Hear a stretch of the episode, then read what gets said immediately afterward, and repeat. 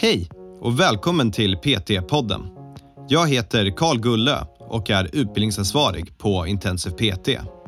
Vi har utbildat personliga tränare sedan 2012 och vill hjälpa så många människor som möjligt till en aktiv och hälsosam livsstil. I varje avsnitt kommer vi att prata med olika människor om träning, hälsa och entreprenörskap. Varje samtal har ett unikt ämne och vårt mål är att inspirera dig till att vilja förstå mer om hur det är att arbeta som personlig tränare eller att hjälpa dig framåt i din karriär som PT. När man träffar sin klient första gången och ska sätta ett mål för samarbetet kan man börja med att ställa väldigt mycket öppna frågor. När vi ställer öppna frågor då kan ju klienten liksom tala om för oss vad de förväntar sig av, av dig som PT och vad man vill ha ut av samarbetet. Hej allihopa! Känner du någonsin som PT att du har svårt att komma i grunden till vad det är klienterna vill göra och framförallt varför de vill göra det? Att det är du som sätter målen, du som styr klienten och av någon orsak så matchas det här inte riktigt med vad deras förväntningar är. Ja, då kommer coachande samtal in i bilden. Och idag har vi med oss Helena Grandell som kommer berätta om hur du kan föra coachande samtal. Och jag ska säga helt ärligt, jag lärde mig mycket av det här samtalet. Det coachade mig till att bli en bättre PT. Så jag hoppas att det kommer hjälpa er också. Nu kör vi!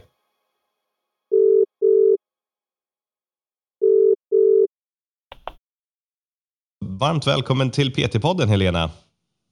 Tack så mycket. Hur mår du idag? Jag mår toppen. Ja, vad härligt att höra. Solen skiner i Sundsvall. Mm. Totalt tvärtom här i Stockholm. Vi har haft det bra, men nu är det katastrof. Mm. Mm -hmm. Hur då som? Nej, nu, vi har haft sol, nu är det molnigt och äckligt och jag hoppas att det inte kommer börja snöa igen.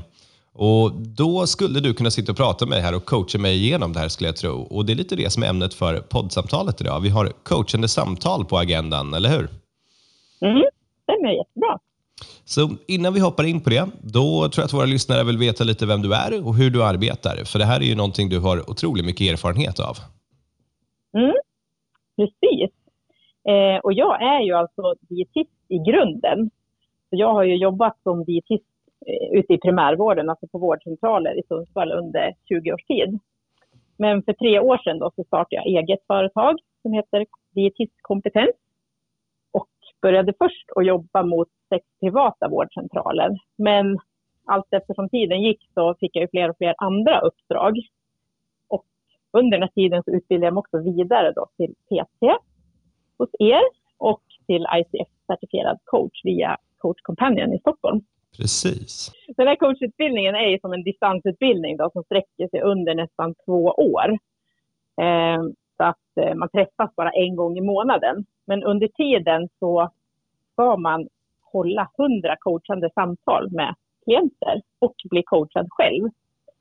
Att för mig så blev det även en egen liksom, utvecklingsresa och process liksom vid sidan av då, att jag lärde mig själva samtalstekniken. Alltså hundra coachande samtal, det är mycket. Mm. Ja, det är ganska mycket. Eh, men man fick ju även då byta tjänst viss del. Några av de här samtalen kunde man byta tjänst med en kamrat liksom, så att man coachar varandra. Mm. Så, men det var ju många, ändå många samtal att få igenom. Så det är därför det tar nästan två år också innan man är klar. Och Det här är vad jag finner så intressant. Det är, vi satt ju och pratade lite grann om det här förut innan eh, vi skulle prata om att spela in podden. Och då var det att jag känner liksom, jag har ingen koll på vad ett coachande samtal är. Jag, jag kan sitta och prata med någon och stötta dem, men att faktiskt gå in i rollen av att tänka nu ska jag ha ett coachande samtal eller ett motiverande samtal eller någonting av det här. Det är liksom, vad, vad är det? Går man in i något särskilt mindset och tänker det här är vad jag ska göra? Hur funkar det här? Ja, om jag ska beskriva lite grann vad ett coachande samtal är så brukar jag förklara coaching på ett sätt att medvetandegöra och sortera våra egna tankar. Det är ju så, vi tänker ju jättemånga tankar på en dag. Man brukar säga ungefär runt 60 65 000 tankar på en dag. Och 90 procent av de här tankarna är oftast samma som igår. Ja, 90 procent är bara sånt som jag önskar att jag inte hade behövt tänka istället för att hålla min hjärna lite lite ren.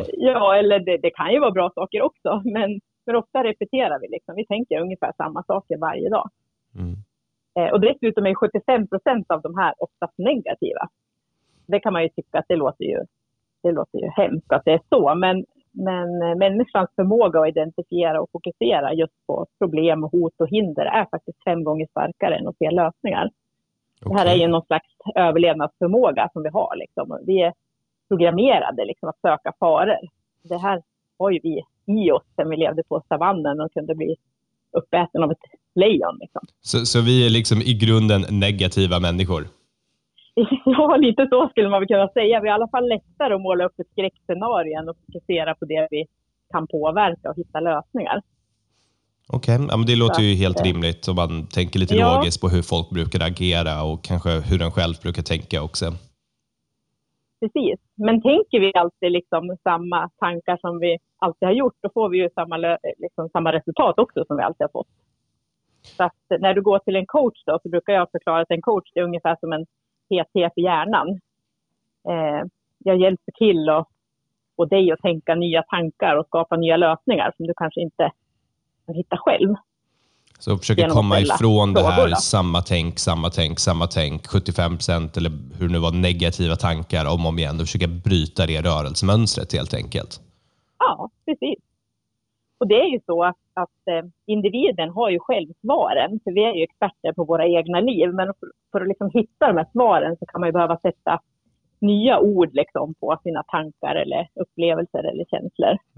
Så min uppgift som coach är att ställa frågor då som är utforskande eller som medvetandegör dina beteendemönster eller utmanar dig lite grann så att du ser nya möjligheter och lösningar helt enkelt. Och går det här liksom in i en terapigrund eller är det mer praktiskt Nej. än det? Nej, det är inte terapi och det är väldigt tydligt att det är inte liksom terapi och man kan inte använda det liksom vid svårare sjukdomar om man säger, utan då, då behöver man gå till en psykolog. Mm. Eh, och det är vi coacher lite tränade till att kunna se då om är det här någonting som jag kan hjälpa dig med eller behöver jag rekommendera dig vidare till någon annan profession? Helt enkelt.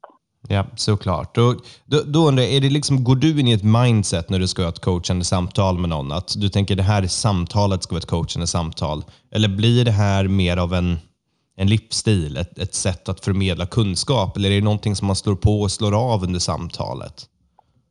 Ja, det var en bra fråga. Alltså, när jag vet att jag ska ha ett coachande samtal, då går jag absolut in i ett, ett annat typ av mindset. Det gör jag. Och jag ser alltid till att liksom ha amen, tio minuter innan jag ska träffa någon eller prata med någon, att liksom, ja, ta det lugnt helt enkelt. Eh, så att man är liksom närvarande och och i nuet. För coachande samtal, de utgår alltid från nuet och framåt. Det som har varit, det är liksom ingenting som man grottar särskilt mycket i. Utan vi ser liksom nu och framåt, vad kan du göra? Och, och varför ja, gör du det här då? Vad, vad, vad, är liksom, varför kom du in i det här? Vad, vad är din orsak till att vilja hålla på med det? Ja, men alltså dels så var det ju så här att jag eh, jag anmälde mig till en coachutbildning för att jag ville hitta nya verktyg för att hjälpa mina nuvarande kunder och patienter. Då. Men eh, samtidigt så var det så att under tiden jag gick utbildningen insåg jag att starta eget för att jag ville kunna styra min tid. Men jag hade mottagning fem dagar i veckan och kunde inte styra en sekund av min tid utan jag jobbade snarare mycket, mycket mer än 100 procent. Eh, när jag, när jag blev egen mot när jag var anställd. Mm. Eh, så jag kände att jag ville liksom jobba på ett annat sätt och så framför allt så vill jag kunna jobba med helheten liksom, när, det, när det gäller hälsa. Det finns inte riktigt tid och utrymme för det när man är dietist på en vårdcentral. Nej, jag kan tänka mig det. är ju ett bristyrke. Ja. ja, vi är ju ett bristyrke och, och ofta har man liksom, man jobbar mot många vårdcentraler och måste göra prioriteringar hela tiden. Men som dietist då, är det att du liksom, då ger du ut kostprogram till folk eller hjälper folk med generella kostupplägg när, när du är på vårdcentralen? Eh, på vårdcentralen då, då är det så, tyvärr har det liksom blivit så, det är lite olika på olika vårdcentraler, men, men de jag jobbar på så har det inte funnits så mycket tid faktiskt att jobba med livsstilsproblem, utan vi har fått hårdprioritera ganska mycket. Och då träffar jag mest de som har svårt att äta, alltså de som har tugg och sväljsvårigheter eller cancer, KOL, mag-tarmproblem av olika slag. Okay. Eh, och, och, hur de liksom behöver äta. Och då ger man ju mera råd. Det gör mm. man. Eh, det finns liksom inte riktigt utrymmet att, att se över helheten liksom, och ja, titta på kostvanor, rörelsevanor, sömn, återhämtning, relationer. Den typen av samtal finns det inte utrymme för helt enkelt.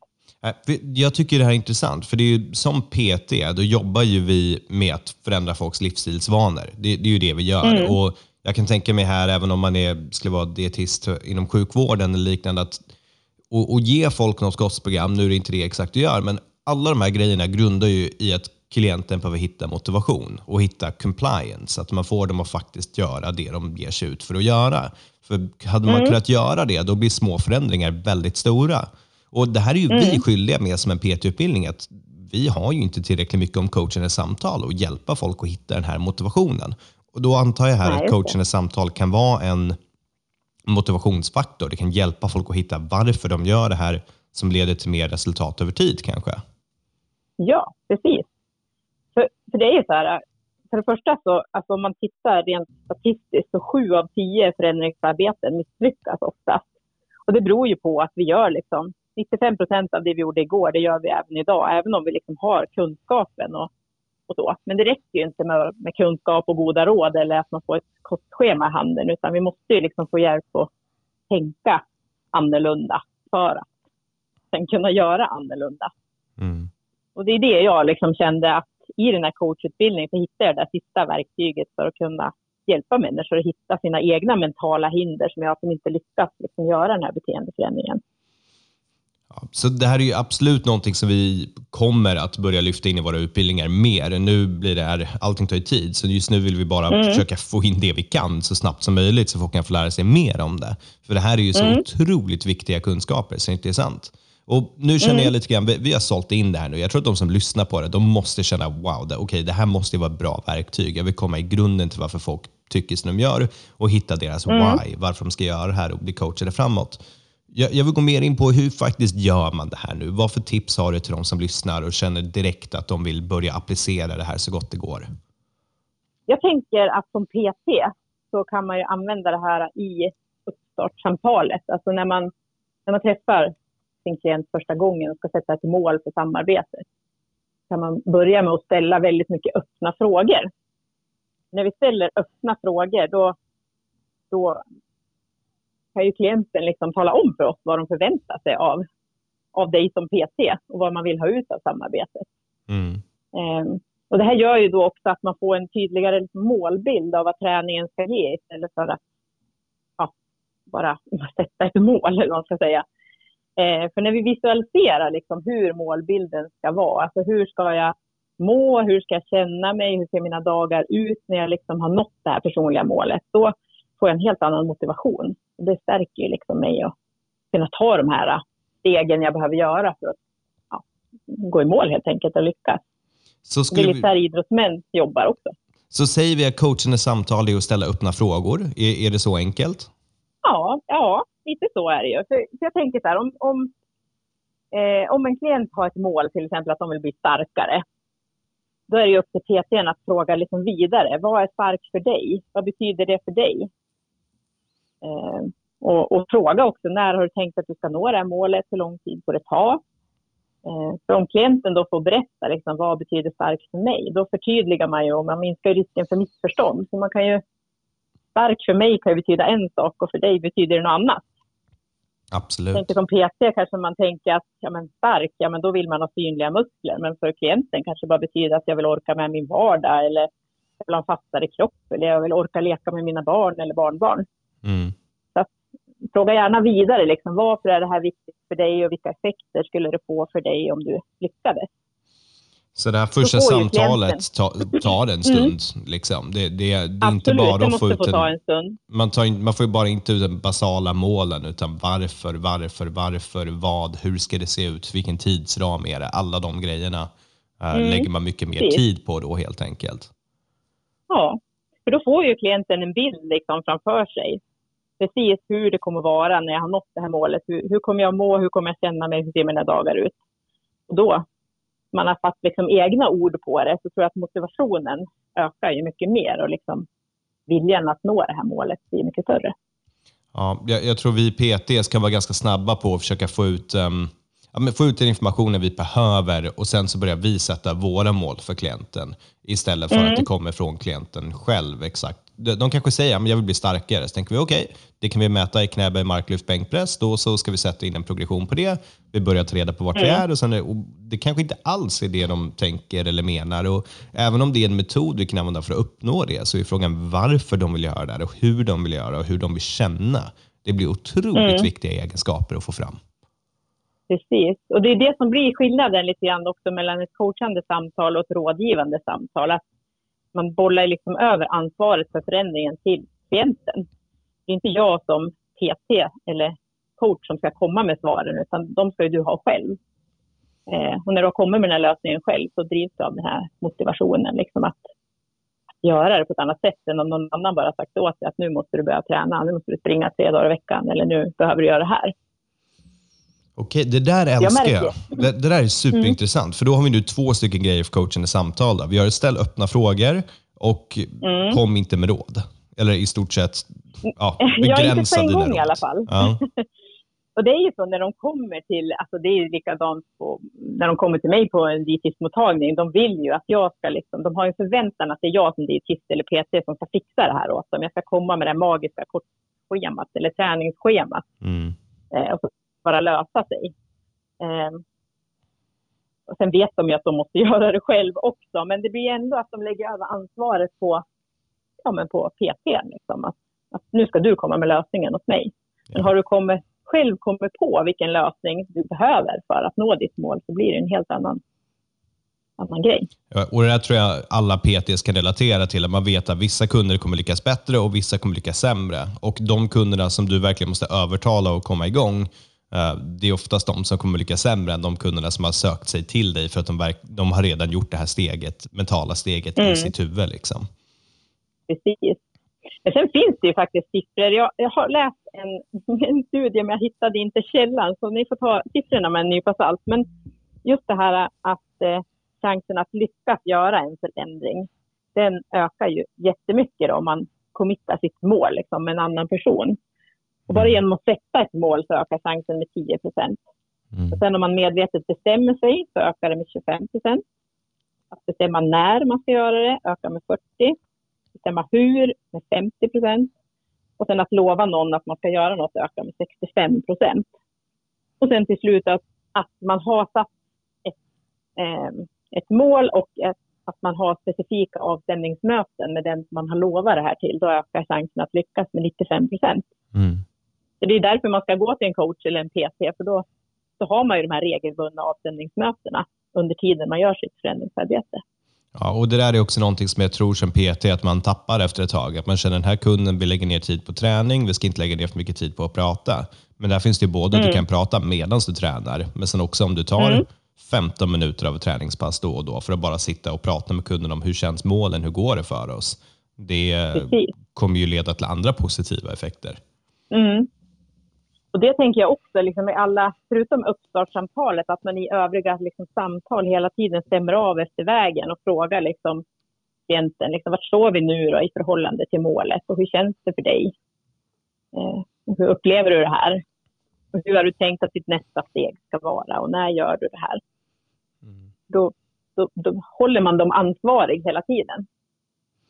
Jag älskar det där, för det är ju väldigt, väldigt vanligt att vi får, liksom, det, det, är vårt ansvar som PTs. Det kan man till och med säga på en konsultationsfas eller någonting och säga, men jag kommer lösa dina problem eller jag, jag kommer hjälpa dig framåt för man vill att de ska köpa PT av en. Men det är ju inte mm. det ärliga svaret. Det är inte så det kommer gå till mest troligen. Nej, just det. Mm. Så du pratade lite grann om skillnaden här mellan coachande samtal och rådgivande samtal. Um, mm det här är inte samma sak. Gör man det samtidigt? Vad, vad är skillnaden mellan dem? Hur, hur funkar det? Eh, ja, alltså, det där är ju, det där är ju lite svårt att svara på. För alltså, när man har eh, regelrätta coachande samtal, då, då är det ju liksom på ett visst sätt. Alltså, då ställer vi ju bara frågor. Vi ska inte komma med några som helst råd. Har vi någonting som vi hemskt gärna skulle vilja dela med oss av, så kan vi fråga liksom, om det är okej okay att jag kommer med ett råd. Men om man tittar på som jag jobbar, eftersom jag liksom har en kombo av att vara dietist, PT och coach, så, så blandar jag det här lite grann. Ja. Då gör jag klart liksom, för klienten att jag kommer att göra det. För det är liksom lite därför de söker sig till mig också, för de vet att jag har flera kompetenser. Eh, så först får de liksom komma med sina egna förslag på hur de ska göra. Men sen kan jag liksom flika in och, och ge dem råd. Har du tänkt på hur skulle det bli om du provar att göra så här? Eller mm. har du tänkt på det här? Eller, ja. Så, så att, i, i, eh, mitt huvud öppnas upp, liksom, om jag skulle säga så här, skulle du säga att det är helt fel då? Eller att det kanske touchar till att vara rätt? Att, att ha ett bra coachande samtal är en förutsättning för att kunna ha ett bra rådgivande samtal? Ja, precis så är det. Precis så är det. Och, och, och, som coachande samtal, alltså du kan ju söka dig till en coach för, för vilket problem som helst. Och, och så. Men, men egentligen det är ju en samtalsteknik eh, som man då kan använda sig av inom jättemånga olika yrken egentligen. Så på min utbildning då var det ju mycket HR-personal, det var, eh, ja, det var ju chefer till exempel som var med. Det var inte bara egenföretagare som var med på den här utbildningen utan det var ju väldigt blandat. Så man kan ju använda sig av tekniken i sitt nuvarande arbete. Då. Och då blir det ju i kombination med kanske rådgivande samtal. Mm. Ja, väldigt spännande. Jag tycker fortfarande det är svårt att liksom bestämma, men okej, okay, jag ska använda mig av den här tekniken, jag ska bara sitta och ställa öppna frågor till personen och inte komma med för mycket svar åt dem, utan låta dem komma fram till det själva. Är det verkligen mm. det som är grejen? Liksom? Ja, men alltså, ja, jag tycker det. Det är så enkelt. Det är ju så. Eh, ja. För om jag, om jag liksom backar tillbaka liksom och tittar på vad coachingen har givit mig. Jag har ju ändå jobbat med rådgivande samtal i 20 års tid och jag vet, jag vet innerst inne att, att eh, det är den som ska göra förändringen som, som måste ta ansvaret. Men ändå funkar det ju inte riktigt så i praktiken. Så det viktigaste som jag ändå har tagit till mig, det är ju att vi själva bär ansvaret för vårt, ja, men vårt eget mående och våra egna tankar och våra egna känslor. Även om man vet att det är så, så, så behöver man ju liksom ta tillbaka det till sig själv mm. på något sätt. Jag tycker det där är så coolt och det är återigen, jag sitter bara och upprepar hur viktigt det faktiskt är att få fram den känslan mm. hos klienten. Att målet är att få dem att förstå själva varför det här är viktigt för dem och vad mm. själva grejen är. För är du inte nöjd med det liv som du lever, då, då, behöver du göra en förändring och det är bara du själv som kan se till att det blir av. Man kan inte liksom skylla det på, på alla andra hela tiden, men det är det som är vanligt, att, eller det jag stöter på i alla fall, att det är ju jobbigt att göra en förändring. Mm. Även om man då har drabbats av en sjukdom och behöver lägga om kosten, börja, behöva börja träna. Jag tänker en diabetiker till exempel, de, de, i vissa fall så behöver inte de någon medicin, utan det, gäller, det räcker liksom med kost och träning. Mm. Men ändå så gömmer de sig bakom en massa ursäkter liksom, till att inte ta tag i det här, för det, det är så mycket på jobbet. Jag ska göra det när det lugnar ner sig, eller bara semestern är slut, så ska jag ta tag i det här. Eller när barnen blir stor, då ska jag börja träna. Det är liksom de här klassiska. Ja, jag tar det på måndag mm. eller vi tar det på nästa månadsskifte ja. som sen blir, vi tar det vid årsskiftet. Precis. Men kan du då hålla ett coachande samtal, då kan du liksom komma åt vart ligger motståndet egentligen? Vad är det för hinder som jag egentligen går och bär på? För jag kanske inte, kanske inte vill göra det här. Vad brukar hindret vara? Alltså för sådana här grejer. Jag förstår att det, det måste vara superolika, men det måste ändå finnas några teman. Typ jag har inte energi ja. för det, jag vet inte vad jag ska göra. Jag, det kan helt enkelt vara men jag, jag bryr mig inte eller jag orkar inte. Jag tar det inte allvarligt nog. Jag förstår inte allvaret med min diabetes till exempel. Mm, mm. Ja, men ofta kan det vara så att man går bär på liksom gamla sanningar om sig själv. Eh, att man är på ett visst sätt. Liksom, jag är en person som inte tränar till exempel. Den är ju jättevanlig. Mm. Jag hade en klient inte alls för länge sedan som som, ah, hon tyckte bara själv att ja, men jag måste komma igång och träna för det, det ska man ungefär. Men då kom vi ju liksom fram till att egentligen så ville hon inte träna bara för att det var någonting man behöver göra utan det var ju för att hon ville orka vara med sina barn, orka göra alla aktiviteter som hennes barn ville göra. Mm. Och när hon hittade den liksom, nyckeln att just det, det här gör jag faktiskt för att jag vill klara av att vara med mina barn och göra alla de här tokiga sakerna som de vill göra. Då var det en helt annan motivation. Då kom hon igång. Blir tipsen sen då att när du inte orkar träna, tänk på dina barn eller när du åker till gymmet, ha en bakgrundsbild av dina barn uppe på telefonen. Liksom, eller räcker ja, det där bara absolut. för att komma igång? Ja, men alltså, ibland kan man ju jobba just med det här med symboler. Liksom, att man har en bild eller att man har, man har någonting som påminner en om varför man gör saker. Precis som du säger, bakgrundsbild på mobilen så, eller datorn eller att man ställer fram ett, någon grej man har ett mantra när man står där på löpbandet och står och säger jävla skitungar, jävla skitungar, jävla skitungar om och om igen. Precis, ja. Du tvingade Nej, mig alltså, till det här. Lite, ja, precis. Men alltså, det är lite, lite roligt, för en del brukar fråga mig, ja, men det är lätt för dig att säga som tycker det är kul att träna. Liksom. Det får jag ju höra jätteofta. Det är lätt för dig att ja. och peppa mig. Liksom. Du tycker att det här är jättekul. Men alltså, jag har ju också burit på en gammal sanning om mig själv eh, under ganska lång tid. För under mm. hela min uppväxt så hatade jag verkligen att träna. Det var det absolut värsta jag visste. Och mina föräldrar tvingade ju iväg mig på någon orientering och gympa och sådär. Men alltså det var, det var det värsta jag visste. Och orientering är ju faktiskt jäkligt tråkigt också. Det får vi lägga till. Där. Precis. Eh, men, men min sanning, det var ju liksom att jag, jag är en person som har, eh, som har dålig kondition. Så därför ville inte jag träna, för jag hade dålig kondition. Mm. Men sen då när jag kom in på dietistutbildningen och flyttade till Umeå, då fick jag ju en folder där det stod att Umeå var liksom aktiviteternas stad. Om man inte redan tyckte om att träna så skulle man börja träna yeah. när man flyttade dit. Och där skrattade jag alltid åt och sa till min mamma att nej men det där gäller inte mig. Det kommer inte att hända. Men sen flyttade jag till Umeå och där cyklar man ju överallt. Alla studenter cyklar ju sommar som vinter. Och jag fick jättejobbigt med eh, mina luftrör. Mm och kunde inte liksom få åt med andan. Det var ju liksom, vi cyklade ju när det var 20 grader kallt. Så till slut gick jag ju till vårdcentralen och då fick jag ju en diagnostiserad astma. Så sen när jag hade fått medicin, då, då tyckte jag faktiskt att det var kul att träna, för jag kunde ju andas. Och då, då insåg jag att jag har inte dålig kondition. Utan jag var ju sjuk egentligen. Men det, det där är, det. Ja, det där är ju så klassiskt. Och det är samma sak med folk som har haft läs och skrivsvårigheter eller koncentrationssvårigheter. Som man ja, en utredning till slut och sen helt plötsligt blir skolan faktiskt väldigt kul. Det, det kan jag känna mm. igen mig i. Samma sak med träningen. Det är jag även nu och det tror ju folk, jag älskar träning och det är så här, nej, alltså jag tycker det är helt okej när jag är där och det är kul att känna mig stark. Men varje mm. gång jag går till gymmet, då sliter jag mig till gymmet. Liksom. Ja, och, och precis. Då, då gäller det bara att hitta varför gör jag det här och jag gör det för jag vill vara en förebild för folk. Ja, precis.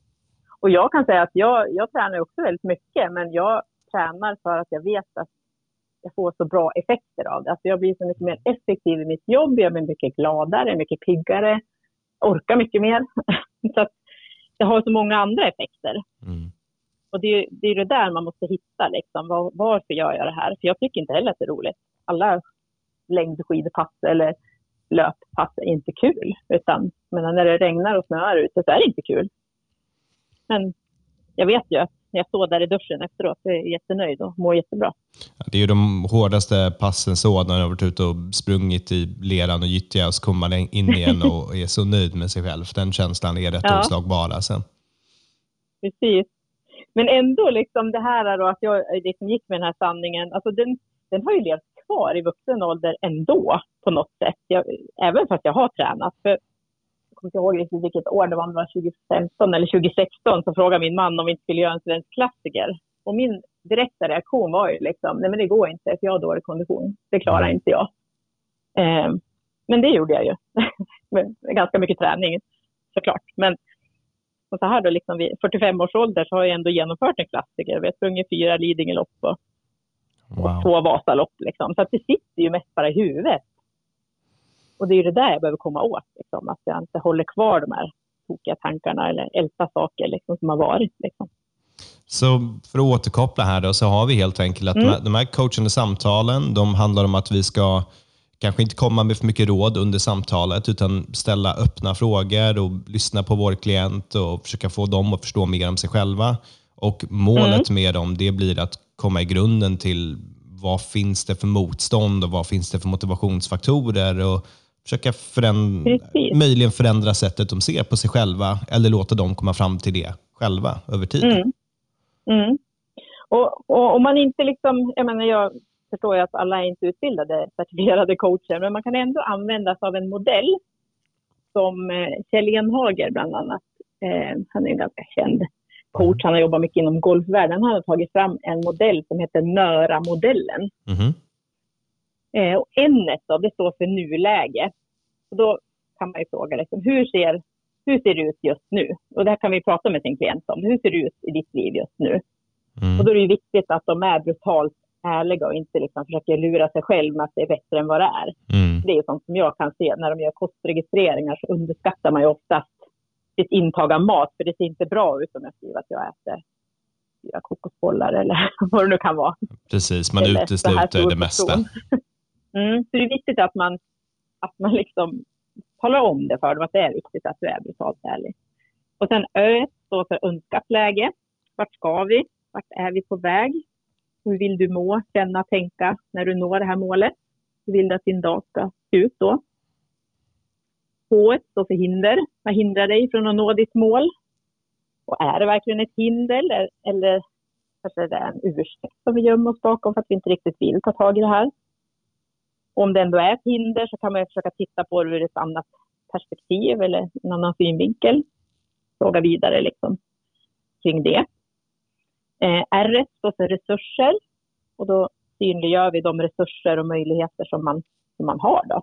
Oftast är vi ju bra på någonting och då kanske man kan använda de skillsen i sitt förändringsarbete helt enkelt. Eh, där kan man också fråga om de behöver någon slags support av någon. Behöver de till exempel ha familjen med sig på tåget för att klara av att göra den här förändringen? Förändringen då, så att man har förståelse från sin familj att jag behöver avsätta visst mycket tid till någonting eller ja, vad det nu kan vara. Ibland kan det ju räcka att man har kommit överens med en, med en kompis bara. Eh, för att jag ska komma ut på min morgonpromenad så, så skickar jag ett sms till dig med en bild på så, så vet du att jag har gjort det här. Mm. Den kan ju funka ganska bra. Eh, och så A då, agera. Det är liksom, vad är ditt nästa steg? Hur ska du agera för att komma till handling? Och framförallt, när gör du det här? Har vi liksom tidsbestämt att ja, men, det här tar jag tag i imorgon, då är det större sannolikhet än att det, att det blir av. Helt enkelt. Säger jag att ja, men det här gör jag om tre veckor, men då förstår man att det där behöver vi grotta vidare i. Varför gör du det om tre veckor? Varför gör du det inte nu? Ja. Och då kan man ju komma åt de här hindren, liksom, eller ursäkterna som. Det är en bra idé att bara fråga varför tar vi inte tag i det nu och sen börjar du få fram det där så kan du grotta i det. Mm.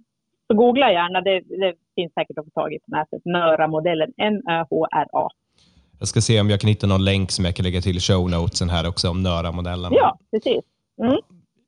Helena, det här har varit jättespännande att sitta och lyssna på. Jag känner jag har lärt mig mer om mitt PT-ende och hur jag ska förmedla, eller framförallt lyssna på mina klienter för att kunna skapa en förändring Mm. hos dem. Um, tack så jättemycket för att du ville vara med och berätta om det här. Ja, tack för att jag fick vara med.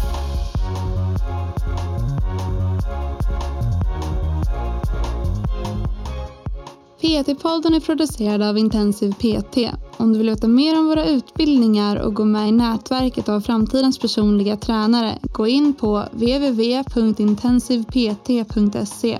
Vi har kursstarter varje månad och du kan studera helt i ditt egna tempo.